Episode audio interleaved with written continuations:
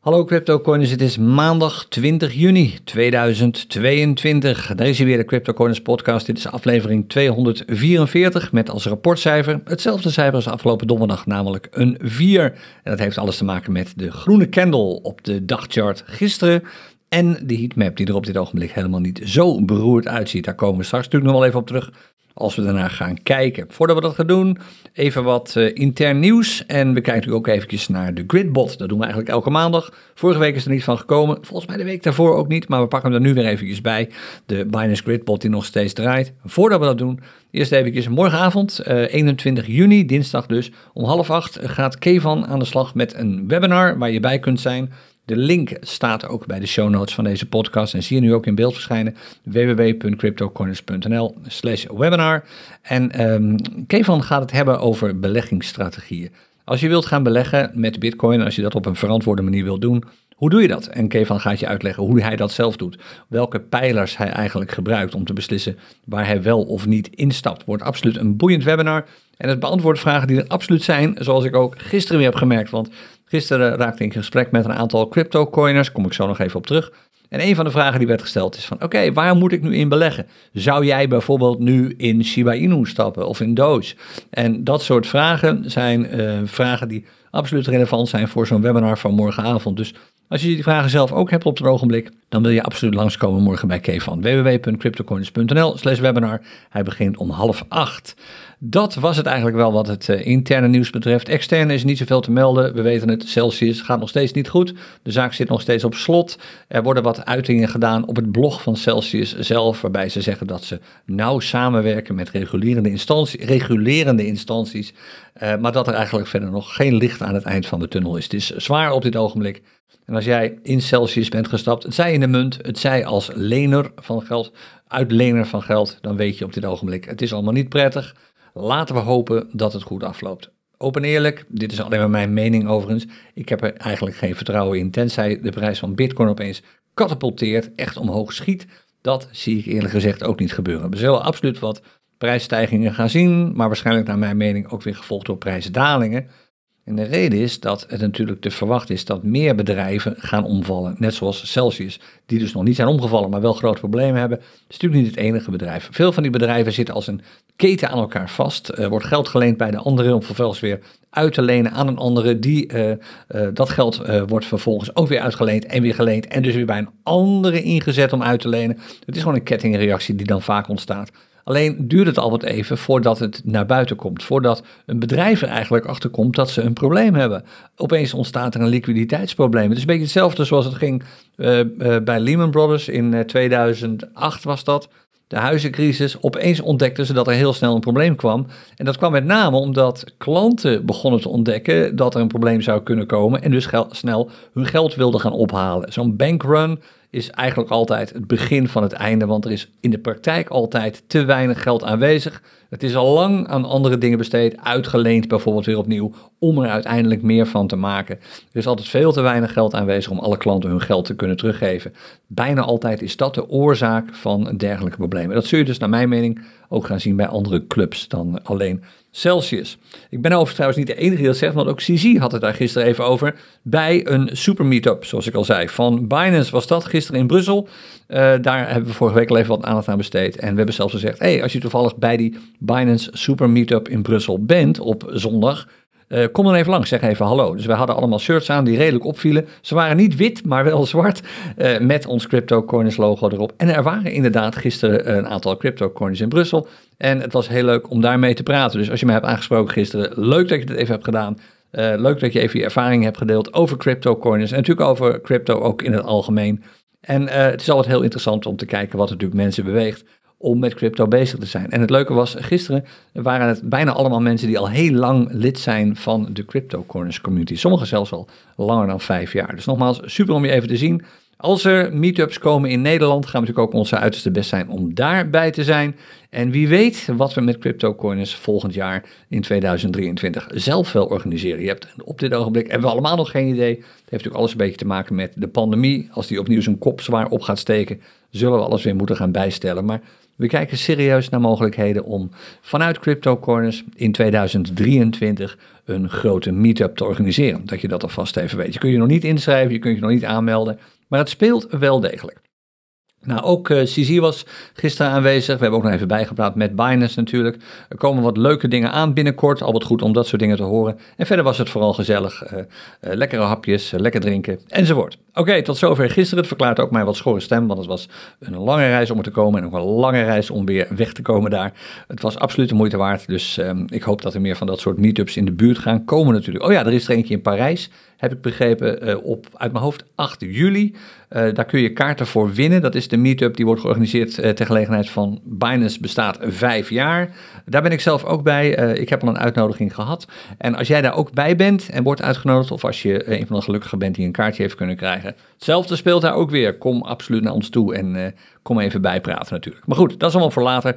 We gaan aan de slag. En waar we mee beginnen, omdat het immers maandag is, is met de Gridbot die loopt. Een grid trade die we zijn gestart op Binance met de nieuwe Gridbot, bit, Gridbot optie. Er bestaan meer Gridbots overigens. Je weet het, als je 3 commas gebruikt, daar zit hij onder andere in. En er zijn veel meer tools waar je dat mee kunt doen. Maar op Binance is hij 100% gratis. En we zijn op 14 april zo'n Gridbot gestart. Uh, op het muntpaar BNB versus de Bitcoin. Het uitgangssaldo was toen 0,01186 Bitcoin ongeveer. Dat is inmiddels gestegen, zoals je hier ziet op Hypertrader. Als je nu meekijkt, zie je nu ook Hypertrader in beeld. Hier is de gridbot 0,01229 op dit ogenblik. Dit wisselt natuurlijk voortdurend. En je ziet hier twee lijnen op het scherm, een dikke paarse lijn. Dat is eigenlijk de entry, de plek waarop we in deze gridbot trade zijn gestart. Je kunt behoorlijk uitzoomen, want deze gridbot loopt al via, of sinds 14 eh, april, dus dat is meer dan twee maanden inmiddels. En je ziet, er is echt een enorme batterij aan trades inmiddels gepleegd. Dat zijn er vele honderden. En ik ben pas bij begin juni nu. Als je de chart uitzoomt naar bijvoorbeeld een uur, dan kun je het allemaal nog wat beter zien. En zeker als we dan eventjes de chart een beetje kleiner maken, condenseren zo, dan zie je hoe ontzettend veel trades dit zijn. Uh, hier is hij eigenlijk, uh, hij loopt nog steeds door, hij is begonnen op 14 april. Uh, dat was zelfs nog voor deze tijd. Je ziet hoeveel er zijn. Het zijn er echt honderden. En elke grid trade die wordt gedaan is een kleine winsttrade. Want er wordt eigenlijk gewoon op dat grid gekocht als de prijs daalt. En weer verkocht als de prijs wat stijgt. Telkens maar een klein beetje. Maar ja, vele kleine beetjes maken één grote.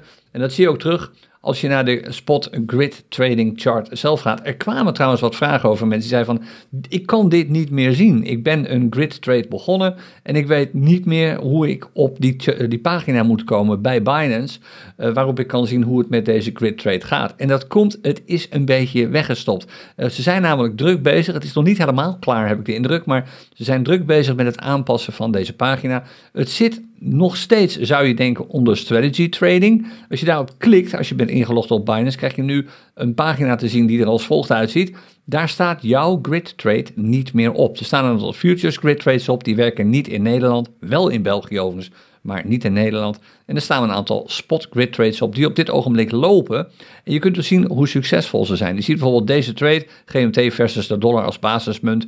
Die heeft een hoog rendement gehaald. Hij loopt pas een maand, maar heeft nu op dit ogenblik op jaarbasis een rendement van 900%. Dat is natuurlijk prima. En dat heeft alles te maken ook met GMT. Je weet het misschien, dat is die munt die hoort bij dat project waarbij je jezelf fit rent, fit beweegt en als beloning daarvoor coins kunt krijgen. Nou, je ziet veel GMT-trades, die scoren op dit ogenblik het hoogst. Dit verandert trouwens voortdurend weer. Alleen dit is een overzicht waar je informatie uit kunt halen en kopiëren om je eigen grid trades te starten. Maar waar is dan jouw grid trade? In ons geval bijvoorbeeld, waar is die grid trade van BNB versus de Bitcoin? Nou, die vind je niet op deze pagina, in ieder geval nu nog niet. Dat komt waarschijnlijk wel, en daar is het wachten dus nog even op voordat ik eindelijk die video kan gaan opnemen. Waar ook gisteren weer naar werd gevraagd uh, in Brussel. Maar hoe kom je nou bij je eigen grid trade? Nou, een manier om er te komen op dit ogenblik is via, de trade, eh, via het trade menu. Dan ga je naar spot, want het is immers een spot trade die je bent gestart. Uh, bijvoorbeeld in ons geval BNB versus de Bitcoin. Het is geen futures trade, geen margin trade, gewoon een spot trade. Dan krijg je een overzicht te zien, dit ken je waarschijnlijk wel, van alle charts op dit ogenblik. En dan ga je op zoek naar het muntpaar waar jij een grid trade in bent gestart. In ons geval is dat BNB versus de Bitcoin. BNB met Bitcoin als basismunt. En je ziet dan een waarschuwing verschijnen. Hij zit een beetje verstopt. Hij staat namelijk hier. Uh, het kan er bij een, uh, bij een Windows-platform wat anders uitzien, heb ik begrepen. Maar als je dit op een Mac bekijkt en via Safari, wat ik hier doe, dan zie je het hier staan. Uh, BNB Bitcoin zit in een grid trade. Op dit ogenblik moet je oppassen, want als je een open order van deze grid cancelt, wat je bijvoorbeeld doet als je op dit ogenblik nog in Hypertrader iets gaat verslepen, dan stop je de hele grid trade. Dan beëindig je de strategie. Nou, het, de duvel zit in de details. Hoe vind je nou jouw trade? Niet op dat vraagteken of dat uitroepteken te klikken. Nee, je klikt op Learn More. Als je hierop klikt, dan ga je niet meer leren over deze bewuste strategie of over wat een grid trade is. Nee, dan krijg je dat scherm te zien wat je altijd al had. En hier kun je natuurlijk een, uh, een uh, hoe noem je het, een bookmark van maken of een favoriet van maken. Dit is het scherm en hier heb je aan de rechterkant het View Details knopje dat je misschien nog kent. En dan kom je uiteindelijk terecht bij de feitelijke trade. Dus het is even een andere weg. Ga naar trade, dan naar spot. Dan zoek je je tradepaar op waar je een grid uh, trade in hebt lopen. Dan zie je die uh, informatieregels staan. Learn more en dan ben je waar je was. Dus hier zijn we. Dit is het overzicht van onze grid trade. En je ziet, hij loopt sinds 14 april, kwart voor 12 ochtends. Ik ben iets later trouwens met het opnemen van de podcastaflevering van vandaag. Maar het is dus nu inmiddels uh, uh, alweer een dag bijgekomen. 67 dagen, ruim twee maanden. En we hebben inmiddels met deze complete trade, dus sinds 14 april, een winst gehaald van 4%. Is natuurlijk niet zoveel, maar vergeet niet, deze trade loopt met Bitcoin als basismunt. Het is een long trade, dus je koopt iets met als doel om het met winst te verkopen in een bearish market. Alles gaat eigenlijk naar beneden. Je hoeft al even terug te denken over wat je de afgelopen weken allemaal hebt gezien. Het feit dat de heatmap nu even groen is, en dat, dat hij dat afgelopen donderdag ook even was, zegt niks. Want we weten allemaal, en als je dat nog niet weet, dan weet je dat zometeen wel als we de charts erbij pakken, wat er bijvoorbeeld in het weekend weer is gebeurd. Alles knalt zomaar naar beneden. Toch is dit een winstgevende trade. Dat komt niet zozeer uit de trade zelf, wat gewoon niks anders is dan een entry en een winstplek, een take profit en een stop-loss plek. Nee, dit is een trade die op, op basis daarvan nauwelijks wat heeft opgeleverd. 0,7% in een tijdsbestek van twee maanden. Dat is natuurlijk niet zoveel. Wat interessanter is, is dit. Ondanks het feit dat de trade zelf niet zoveel heeft opgeleverd, en soms zelfs op verlies staat, heeft de grid, hebben de grids trade, de grid trades in die trade eigenlijk een aantal yo-yo trades. Dat zijn dus alle trades die je hier ziet als je naar hypertrader kijkt. Kopen, verkopen, kopen, verkopen, kopen, kopen, kopen, kopen, kopen. Blijf maar kopen en dan weer verkopen. Je ziet dat met name terug als je inzoomt op deze chart. Bijvoorbeeld als je naar het 15 minuten interval kijkt. Kijk, er wordt een aantal keer bijgekocht vanaf 11 uur vanochtend. En nu inmiddels is alweer een aantal keer verkocht. Nou, je ziet als je dat in de gaten houdt, dat je daar eigenlijk veel meer winst op pakt. En dat verklaart ook een beetje wat je hier ziet. Dit is de uh, feitelijke prijs waarop we de entry hebben gedaan. Hier zijn we min of meer op ingestapt. Eigenlijk is dit de break-even lijn, want je betaalt wat provisie, omdat je, dit geen uh, BUSD trade is met BUSD als basismunt, maar gewoon Bitcoin. En je ziet even goed dat de prijs nu boven, niet zo heel ver boven, maar boven de break-even lijn staat. Alleen de feitelijke break-even lijn is veel lager, omdat er heel veel grid trades zijn gepleegd. Die staat zo laag op dit ogenblik, die wordt voortdurend aangepast. En dat betekent dus dat zolang we boven deze prijs staan, de break-even sell prijs, zoals Hypertrader dan aangeeft, hij is eigenlijk zelfs nog wat lager, zitten we in de winst in deze trade, ondanks dat het kan gebeuren dat de prijs onder deze lijn duikt. Wat bijvoorbeeld hier al gebeurde. Dit was 16 juni, afgelopen vrijdag. Uh, sorry, afgelopen uh, vrijdag was dat, ja, de verjaardag van mijn dochter. En dit was uh, eh, 15 juni, stond hij er zwaar onder. Onder water dus, als het alleen maar een trade was geweest. Maar boven water, als je kijkt naar het feit dat dankzij al die grid trades de feitelijke break-even lijn een stuk lager staat. Hij heeft niet de hele tijd boven water gestaan. Hij is er wel degelijk ook ondergedoken. Toen we natuurlijk een aantal enorme dips hebben gezien de week voor vorige week. Maar over het algemeen staat hij redelijk boven de break-even lijn. Het is niet spectaculair wat hier gebeurt natuurlijk qua winsten. Maar nogmaals, vergeet niet, we zitten op dit ogenblik in een bearish market. En dit is een long trade. Normaal gesproken zou je eigenlijk gewoon op verlies hebben gestaan. Punt uit. Wat je met heel veel bitcoin paren natuurlijk nu merkt. Dus dat is de trade op dit ogenblik. Er zijn nu duizend trades afgehandeld, duizend grid trades, meer dan duizend. 1003 op het ogenblik. Er staan er nog 75 open, dat zijn deze natuurlijk.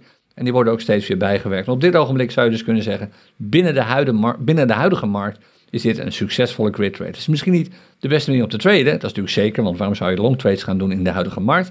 Maar tot nu toe laat dit zien dat grid trading absoluut iets toevoegt als je toch niet bezig bent met dat geld op het ogenblik. Onthoud goed, Altijd stoplossers plaatsen, want je weet het, het kan altijd natuurlijk de verkeerde kant op schieten. En dan wil je gewoon uit die trade en je verlies natuurlijk beperken. Tot zover de grid trade. Daar kijken we natuurlijk volgende week weer naar. Nu gaan we even naar de echte charts. Hier is Bitcoin versus de dollar. Dit is de weekchart op Binance. En je weet het misschien nog wel, we hebben het vorige week echt een aantal keer gezegd. Er zit die gap. En die gap die zit op de, zat op de 19.900 en nog wat dollar. Nou, nu niet meer, want we zijn door de gap heen gebroken. Je gaat zo meteen zien, als we de dagcharts erbij pakken, wanneer dat was. Maar hier is die gap, hij is nu gebroken. Dat betekent dat we eigenlijk nu, het hangt een beetje ervan af op welke exchange je kijkt, dat er eigenlijk nu geen echte gaps meer zijn. Sommige Puriteinen zeggen, een beetje afhankelijk van het platform dat ze erbij pakken, dat er nog wel een gap zit, namelijk op rond de 1600 dollar. Die zou nog een keer geslecht moeten worden. Anderen roepen 1300 dollar. Ik ga er eigenlijk nu vanuit, als ik zo naar de charts kijk, met name als ik dan gewoon eigenlijk altijd dezelfde chart erbij pak waar ik dit soort dingen op beoordeel, dat er nu niet meer een prijs is die maar één keer is geraakt. Bijna elke prijs, of eigenlijk elke prijs tot nu toe, is minimaal twee keer gepakt. Eén keer op weg naar boven en één keer op weg naar boven. Uh, naar beneden, sorry. En de gap is dus geslecht. Dat was die oranje lijn die hier op de chart loopt. 19.900 en nog wat. De prijs is zelfs daar nog wat doorheen geschoten. Naar beneden met een laagtepunt van 17.592 dollar. Dat was ook het moment dat er natuurlijk weer allerlei experts opstonden en begonnen te roepen dat Bitcoin naar nul gaat. Dat dit duidelijk laat zien dat Bitcoin niet bedoeld is uh, om iets serieus te zijn, dat het eigenlijk nergens over gaat. Ja, dat soort experts zul je altijd krijgen. Er zullen altijd mensen zijn die niets zien in de toekomst van Bitcoin. Net zoveel mensen als er zijn die zeggen dat er wel heel veel uh, te doen is als het gaat om de toekomst van Bitcoin. Ik kan je wel vertellen, in Brussel gisteren was ook heel duidelijk te merken voor alle bezoekers, overigens allemaal helden, want ze zijn langsgekomen in een zwaar bearish sentiment en dat geeft toch wel aan dat ze veel vertrouwen hebben in crypto, naar mijn mening dus allemaal helden. Die werden daar ook weer voortdurend geconfronteerd met de mening van mensen die dit voor hun vak doen, die allemaal zeiden, jongens het is alleen maar een bearish market. Het is niks anders dan dat. Misschien is het zelfs niet eens een bearish market. Het is in ieder geval niet iets dat nu het einde van crypto zo voorspelt. Integendeel. Wat doe je dan in deze tijd? Die vraag werd ook veel gesteld natuurlijk. En het antwoord, je weet het als je naar CryptoCoins uh, kijkt en luistert, leren. Ik bedoel, als je niet kunt traden in een bepaalde week, zoals bijvoorbeeld vorige week, was echt een drama. Als je vorige week bent gaan traden, is de kans op verlies gewoon veel groter geweest dan op winst. Gebruik die tijd dan bijvoorbeeld om te leren. Meer video's kijken, bepaalde uh, trading technieken bestuderen, uh, meer informatie verzamelen over blockchain, misschien fundamentele analyses doen over bepaalde altcoins er is meer dan genoeg te leren. En je hoeft niet per definitie te gaan traden als de kans op verlies gewoon veel groter is dan winst. Maar dat wil niet zeggen dat het altijd zo blijft. Dat zien we bijvoorbeeld nu ook deze week. Op dit ogenblik, het staat allemaal niet zo heel goed voor als je naar de barometer kijkt. Maar je zult zien, er zijn absoluut wel weer momenten om te gaan traden. Houdt natuurlijk wel altijd die prijs even in de gaten. Nou, die gap is dus gedicht, dat weten we inmiddels. We hebben een nieuwe trough te pakken van 17.500 92 dollar. En we zijn dus nu misschien weer op weg naar een nieuwe piek. Misschien is dit de nieuwe trough. Misschien is dit de nieuwe swing low. Dat weten we natuurlijk pas volgende week, aanstaande maandag om precies te zijn. Als de prijs daar deze week niet onder komt, hebben we een nieuwe trough te pakken, een nieuw dal. En gaan we op weg naar een nieuwe piek. Op dit ogenblik is dat dus nog niet zeker. Wat wel zeker is, is dat de unbalanced volume indicator duidelijk nu bearish is geworden. En waarschijnlijk ook wel bearish blijft op dit ogenblik. Kelton Channels zijn nog steeds berries, die geven een stijgend bearish momentum aan. De Parabolic Stop Reverse die is nu al een aantal weken lang uh, met een behoorlijke parabolische daling ook. Dus dit kan nog wel wat harder naar beneden gaan, die plusjes. Dat levert dan weerstand op. Die plusjes geven aan waar ook een aparte weerstandslijn zit. Dus die wil je ook goed in de gaten houden. Waar ik op let als het gaat om de weekchart op dit ogenblik. Ik kijk gewoon naar de prijs zoals gewoonlijk. Voor twee weken geleden zei ik trouwens nog, misschien weet je dat. Nou, de prijs zou onder de 25.401, als dat gebeurt, als die daaronder komt, zou kunnen gebeuren, dan gaan we waarschijnlijk op weg naar die gap uit 2020. Nou, dat is dus inmiddels gebeurd. Waar ik nu op let, is die bovenkant, die nieuwe piek, die nu wel duidelijk zichtbaar is, want dit laat zien dat die zijwaartse beweging voorbij is. We hebben dus de nieuwe piek van 32.375 aan de bovenkant. Die zat al in de week van 30 mei. Als de prijs daar nu boven komt, is dat een eerste bullish signaal. Dat duurt nog even hoor, voordat we die 32.000 gaan slechten. Want we zitten er op dit ogenblik bijna de helft onder. We zitten nu op een prijs van 20.000. Nou, dat is uh, eh, 70% of zo moeten we stijgen in prijs. Even kijken of het klopt. Ja, 57. Oké, 60% stijgen in prijs. Voordat we weer op dat niveau zitten, dan moeten de markten wel meewerken. Over het algemeen is het nu toch niet echt zo dat je heel veel enthousiasme in de markt bespeurt. En omdat de trend op deze weekchart bearish is, lagere pieken, lagere dalen, omdat alle indicators op deze weekchart bearish zijn, behalve onbalanced volume misschien nu even, is er gewoon sprake, ja, die is trouwens ook bearish, is er nu geen sprake van een grote kans dat de prijs stijgt. De prijs volgt eigenlijk altijd de trend. Dus pas als de prijs op lagere charts, de trend op lagere charts significant omkeert en bullish wordt, zou je kunnen gaan spreken van een ommekeer, een mogelijke ommekeer hier op de hogere, de langere charts. En met een lagere chart bedoel ik bijvoorbeeld de dagchart of de urenchart. Nou, de weekchart is dus bearish. Er is niet zo heel veel om in de gaten te houden. Misschien die PSAR, die Parabolic Stop and Reverse, die op dit ogenblik, maar dat getal verandert echt elke, bijna elke uur, op 42.000 staat. Dat is een hoog bedrag. Misschien de Keltner Channels, in de gaten houden of de prijs weer in neutraal gebied komt, waardoor de trend, of het momentum niet meer zo overtuigend bearish is. Momentum gaat voor trend. Momentum is nu bearish, dat betekent dat de trend ook nog wel even bearish blijft. De kans op prijsdalingen is groter dan op prijsstijgingen. Tenzij de kortere charts andere dingen laten zien. Nou, hier is de dagchart van Bitcoin versus de dollar. Zie je eigenlijk een soortgelijk beeld. Eén klein verschil is dat de, als je kijkt tot met de candle van gisteren, de unbalanced volume indicator daar bullish is. Voor de rest, sorry, maar het zijn lagere pieken, lagere dalen. We hebben een nieuwe trough te pakken. Dat is de trough van eergisteren, 18 juni, afgelopen zaterdag. Dat is dus nu het nieuwe dal, 17.592. Ook de low op de weekchart natuurlijk. Daar misschien ook de nieuwe trough, maar hier is het zeker al de nieuwe trough. En dat betekent op de dagchart dat we nu op zoek gaan naar een nieuwe piek. En of dat zo is, dat, uh, uh, of, er, of er een nieuwe piek komt, zal heel erg afhangen van het momentum en de trend op de urenchart. Die zou in ieder geval een groot aantal pieken en dalen achter elkaar bullish moeten blijven. We gaan zo meteen kijken of dat gebeurt. Wat die dagchart betreft, ik let natuurlijk op die trough, ook hier. Die trough van 17.592. Als de prijs eronder duikt, dat is een bearish signaal. Dat is een, de chart is al bearish, maar het is een bearish signaal wat aangeeft dat het nog veel verder naar beneden kan gaan. Dan moet je denken in prijszones van rond, naar mijn mening, rond de 13.000, ongeveer rond de 13.000 dollar. Het zit ongeveer eerst heb ik hier op 15.000 nog een zitten, maar hier eigenlijk zit een sterkere 12, 13.000. Dit niveau wordt dan een sterke support, een sterke vloer. Ik zeg niet dat het zover komt, maar het is niet, het zou te optimistisch zijn naar mijn mening en te veel struisvogelpolitiek om ervan uit te gaan dat dit gewoon niet gebeurt, dat we het dal nu hebben bereikt. Dat blijkt niet uit deze chart. We hebben nu een trough te pakken, dus een nieuw dal, maar in een dalende trend. We zien steeds lagere dalen, lagere pieken. Dan is het naar mijn mening wijs om er rekening mee te houden dat het gewoon nog verder kan dalen. Er zijn geen duidelijke signalen op deze chart te zien dat die trend omkeert naar bullish op het ogenblik. Behalve die OBV, maar dat is te weinig. Dus ga je op zoek naar een chart met een nog sneller interval, in dit geval de urenchart. Normaal pakken we hem er niet bij als we op maandag de charts doen, om het allemaal niet te lang en te technisch te maken. Maar ja, er is nu zoveel aan de hand. Nu kan het wel een keer. Hier is de Bitcoin urenchart en daar is iets interessants te zien. Voor de eerste keer sinds volgens mij een week. De laatste keer dat het gebeurde was hier op 8 eh, juni. En dat was maar kort. Dat ging eigenlijk nergens over. Dat was nog niet eens een dag. Dit was hooguit een, uurtje of twaalf of zo. Voor de eerste keer sinds toen is de chart omgekeerd, of zijn de lijnen omgekeerd. De MA20, het voortschrijdende gemiddelde van de laatste 20 candles. En de MA50 van de laatste 50 candles, hetzelfde voortschrijdende gemiddelde, eigenlijk de sluitprijzen, die hebben elkaar naar boven toe doorkruist. Dat is een bullish signaal. En de chart zelf, als je alleen maar naar de peaks en troughs kijkt, de pieken en de dalen, is ook bullish geworden. En dat hebben we echt al een tijdje niet zo overtuigend gezien. Kijk, maar als je terugkijkt naar de chart en ik zoom even wat uit, dan zie je dat de laatste keer dat dat echt serieus gebeurde, dat je een aantal keer hogere pieken en hogere dalen had. Deze telt niet echt mee, we hadden echt maar twee. We hebben er nu al drie te pakken, bijna vier. Dat was hier, op dit punt, op 30 mei, inmiddels al 2,5 week geleden, toen we ook daadwerkelijk weer even terugvlogen naar die 32.000. Nou, nu zie je het ook gebeuren. Nu gaan we ook weer met peaks en troughs omhoog. En we hebben, steeds, we hebben nu ook alweer een hogere piek te pakken dan de vorige. We hadden al een hoger dal. Nu zijn we misschien alweer weg naar een hoger dal. Dus waar je goed op wilt letten op deze urenchart, dit wil je echt een aantal keer op rij zien. Misschien wel vier, misschien wel vijf keer. En een wat langere tijd dat de volgorde als volgt is. De prijs staat boven de gele MA20, bij mij is die geel.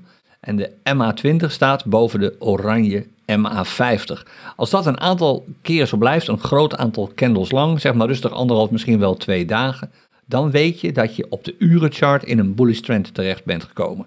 En dat is een voorbode van een mogelijke trendomkeer op de dagchart. Maar als die urenchart niet lange tijd bullish blijft, zal er met de dagchart niets gebeuren. Dus dit gaat voor de dagchart uit. Het is een beetje een apart verhaal, want De dagchart is significanter als het gaat om trends bekijken dan de urenchart. Maar tegelijkertijd, de urenchart is de eerste die wat trend betreft zal omkeren voordat het op de dagchart zichtbaar wordt. Het is geen garantie natuurlijk, maar dit is niet zo slecht nieuws wat hier gebeurt. Het, is, het moet wel wat overtuigender, want het lijkt er nu op met de huidige piek die van 11 uur, het vorige, in, vorige uurinterval, dat het alweer wat tot bedaren komt. Kijk, de pieken, de afstand tussen de pieken wordt wat kleiner. Er mag wel wat meer volume in. Maar als dat gebeurt, als er wat meer volume in komt en bijvoorbeeld de markten reageren enthousiast op de ontwikkelingen op Wall Street vanmiddag. De futures op Wall Street laten zien dat de markten positiever zullen openen dan, vorige week, dan ze vorige week zijn gesloten. Dat lijkt goed nieuws. En als het op Wall Street allemaal wat positiever wordt, als dan kan dat absoluut op Bitcoin impact hebben en dan zou je wel eens mooie dingen kunnen gaan zien. Maar het is een grote als, want op Wall Street zijn ze niet zo heel enthousiast. Daar komen we zo meteen nog even op terug. Dus waar ik op let hier is het volgende. Blijft die prijs boven de MA20 en blijft die boven de MA50. Nog één dingetje wat leuk is om te zien. De MA50 staat nu voor de eerste keer in een hele lange tijd, dan moet je echt heel lang terug, weer uh, in de plus. Die gaat omhoog. En dat is lang niet gebeurd. Bijna altijd, er was dan wel een doorkruising. Hier bijvoorbeeld op 16 eh, juni ging de MA20 even door de MA50 heen naar boven. Maar de MA50 ging nog steeds naar beneden. Dat is nu niet zo. Hij gaat nu naar boven. Na de doorkruising gaat nu ook de MA20 naar boven. En dat is echt leuk om te zien. De prijs staat boven de MA20, die omhoog loopt. En de MA20 staat door de MA50, die ook omhoog loopt. Dat wil je zo houden. Als dit zo blijft, alleen maar goed nieuws. Alle andere dingen betekenen geen goed nieuws. Zo simpel is het. Dus dit is een duidelijk, voor mij in ieder geval, een duidelijk iets om in de gaten te houden. En deze lijn hier, die kun je verder negeren. Dat is een overblijfsel uit een, volgens mij een demo die ik eh, afgelopen zaterdag gaf tijdens onze starten met Trading Clinic. Als je daarbij was afgelopen zaterdag, dan weet je dit al. Er komt een extra sessie van die clinic aanstaande donderdagavond. Uit mijn hoofd is dat de 23e. S'avonds om 7 uur vindt deel 2 plaats van die starten met Trading Clinic.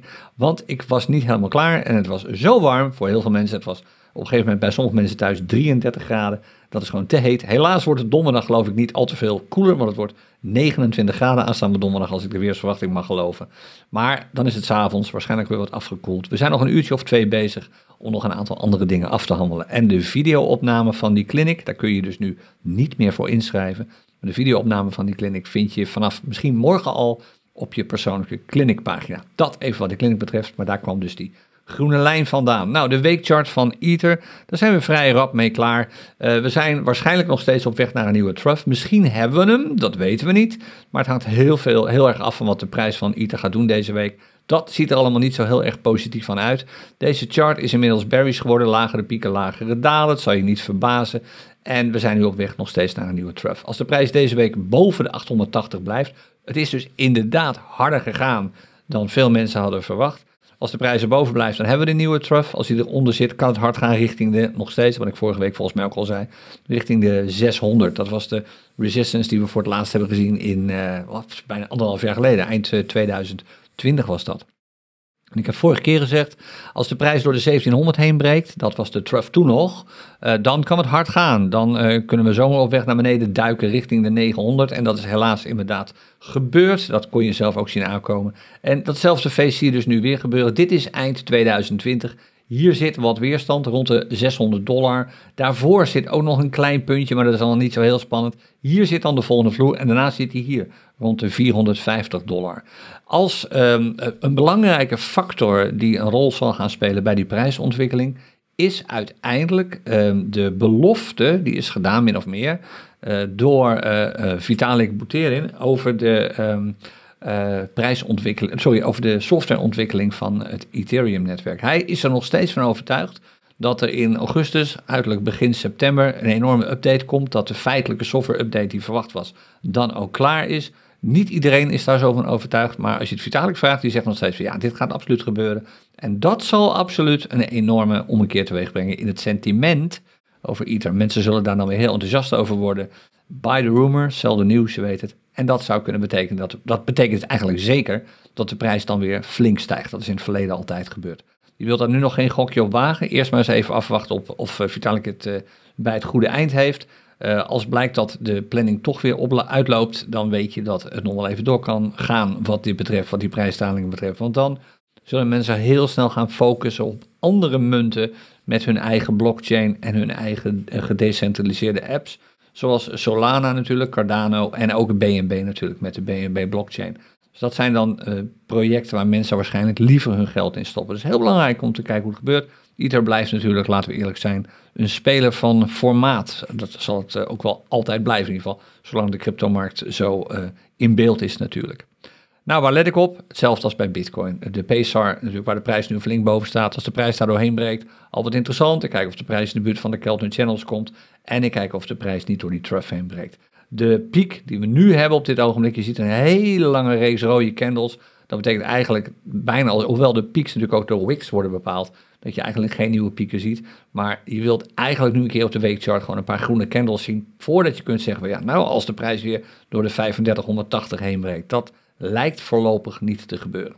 Je ziet wel trouwens, interessant dit, stijgend volume bij een dalende trend. Een dalende prijs. Dat over het algemeen is een bullish signaal. Dan is het bijna altijd een signaal dat dit hier wel eens voorbij zou kunnen zijn met die daling. Dat we volgende week misschien wel eens een groene candle gaan opschrijven. Ik ben benieuwd of het ook gebeurt. Nou, de dagchart van hier nog even dezelfde low, 880 zie je hier al definitief. De nieuwe trough daar, namelijk de trough van uh, 18 juni, eergisteren. We zijn nu weer op weg naar boven. We hebben gisteren een groene candle geschreven.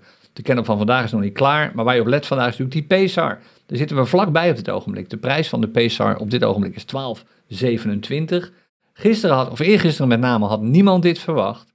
Maar toen stonden we op 880, toen waren de doemdenkers al hard bezig om te voorspellen dat Ether naar de 400 zou gaan. En inmiddels staat de prijs van Ether alweer ruim boven de 1000 dollar, namelijk op, op dit ogenblik, terwijl ik dit opneem, op 1142 dollar. Het is nu 12 uur 42. Dus uh, eh, 1142 dollar voor Ether, dat was niet wat mensen hadden verwacht. Dat maakt de weg wel vrij naar een doorbraak van die PSAR hier. En dan wordt de Parabolic Stop and Reverse Indicator bullish. En dat zou de eerste keer zijn in een lange tijd dat we een serieus bullish signaal zien op deze Ether dagchart. De urenchart, die laat zien dat dat daadwerkelijk zou kunnen gaan gebeuren. Want voor de urenchart geldt exact hetzelfde als voor de urenchart van Bitcoin. De prijs staat boven de MA20, de MA20 staat boven de MA50 en ze bewegen allebei, die MA20 en die MA50, omhoog. Zolang dat zo is, structureel zo blijft, zoals nu dus het geval is eigenlijk al sinds gisteravond 10 uur, is dat goed nieuws. Als dit nog een keer, als een keer of drie, vier misschien nog wat pieken en dalen bij komen die hoger zijn dan de vorige, dan moet je dus nu wel doorstijgen. Want kijk, de piek die we nu hebben, het uur heeft nog maar een kwartier te gaan, uh, daar moet een nieuwe piek achteraan komen. Dat kan nog, want het is een hogere dan de prijs hiervoor. Er moet een nieuwe swing high komen, die moet significant hoger zijn dan de vorige swing high die we hebben gezien, de echte. Dat is die van 9 uur gister, sorry, van 10 uur gisteravond.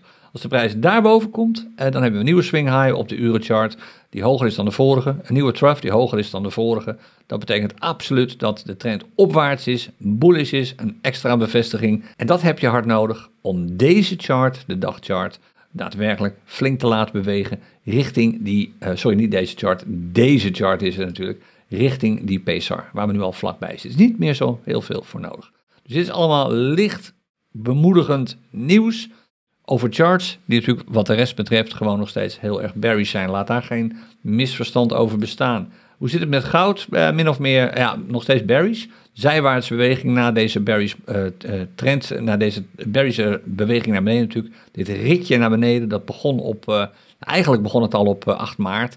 Maar is duidelijk zichtbaar is de laatste van 18 april tot de trough van 16 mei. Die rit naar beneden heeft echt een maand geduurd. Daarna kwam er een voorzichtig opwaartse beweging. Je zou kunnen zeggen, oh, een bullish trend. Maar nee, dit is gewoon zijwaarts wat hier gebeurt. Je wilt een prijsdoorbraak zien van sowieso die 1873 structureel. Voordat je kunt zeggen, goud begint weer bullish te worden. Is het niet. Het laat ook zien, opnieuw, dat beleggers gewoon geld duur vinden op dit ogenblik. En dus extreem afwachtend zijn in wat ze gaan doen. En dat blijkt ook alweer uit de Fear and Greed Index. Die was afgelopen keer donderdag, was hij geloof ik 18 of zo. Nu is hij 15. Extreme angst nog steeds. Zit geen echt goed nieuws in. Dat komt ook omdat de meeste analisten nu hard roepen dat, kijkend naar de prijs van geld op dit ogenblik, het feit dat er quantitative tightening plaatsvindt, er wordt geld uit de markt gehaald. En dat de rente natuurlijk is verhoogd met uh, bijna uh, met 0,75 procentpunt. Uh, dat laat zien dat geld duurder wordt volgens analisten. En de aandelen zijn dan eigenlijk gewoon te duur. De meeste analisten zeggen nu, nu geld zo duur is geworden en het dus niet meer zo makkelijk is om te lenen, zijn veel aandelen eigenlijk gewoon te duur voor wat ze waard zijn. Voor wat het bedrijf achter de aandelen waard is. En dan wordt er gewoon gekeken naar winstcijfers. en naar productiecijfers. Nou, het GPD, zoals je weet, uh, vorige week over gehad. Dat ziet er al niet goed uit. Het, uh, het bruto nationaal product ziet er niet goed uit. En dat betekent dat de aandeelhouders of beleggers eigenlijk op dit ogenblik liever even de hand op de knip houden voordat ze meer beslissen, omdat ze eerst willen weten hoe het met de rest van de cijfers gaat. Hoe gaat het met de inflatie? Hoe, gaat het met de brandstofprijzen? Hoe gaat het met de productieniveaus van bedrijven? Hoe gaat het met de winstcijfers? Voordat ze dat dure geld serieus in aandelen steken. Dus die afwachtendheid is op dit ogenblik eigenlijk bepalend. Niet zozeer de angst die er wel is, maar de afwachtendheid met name. Nou, dat gaat over Wall Street. Nog even de heatmap erbij tot slot, oh, tot bijna slot, pak nog even houden scanner.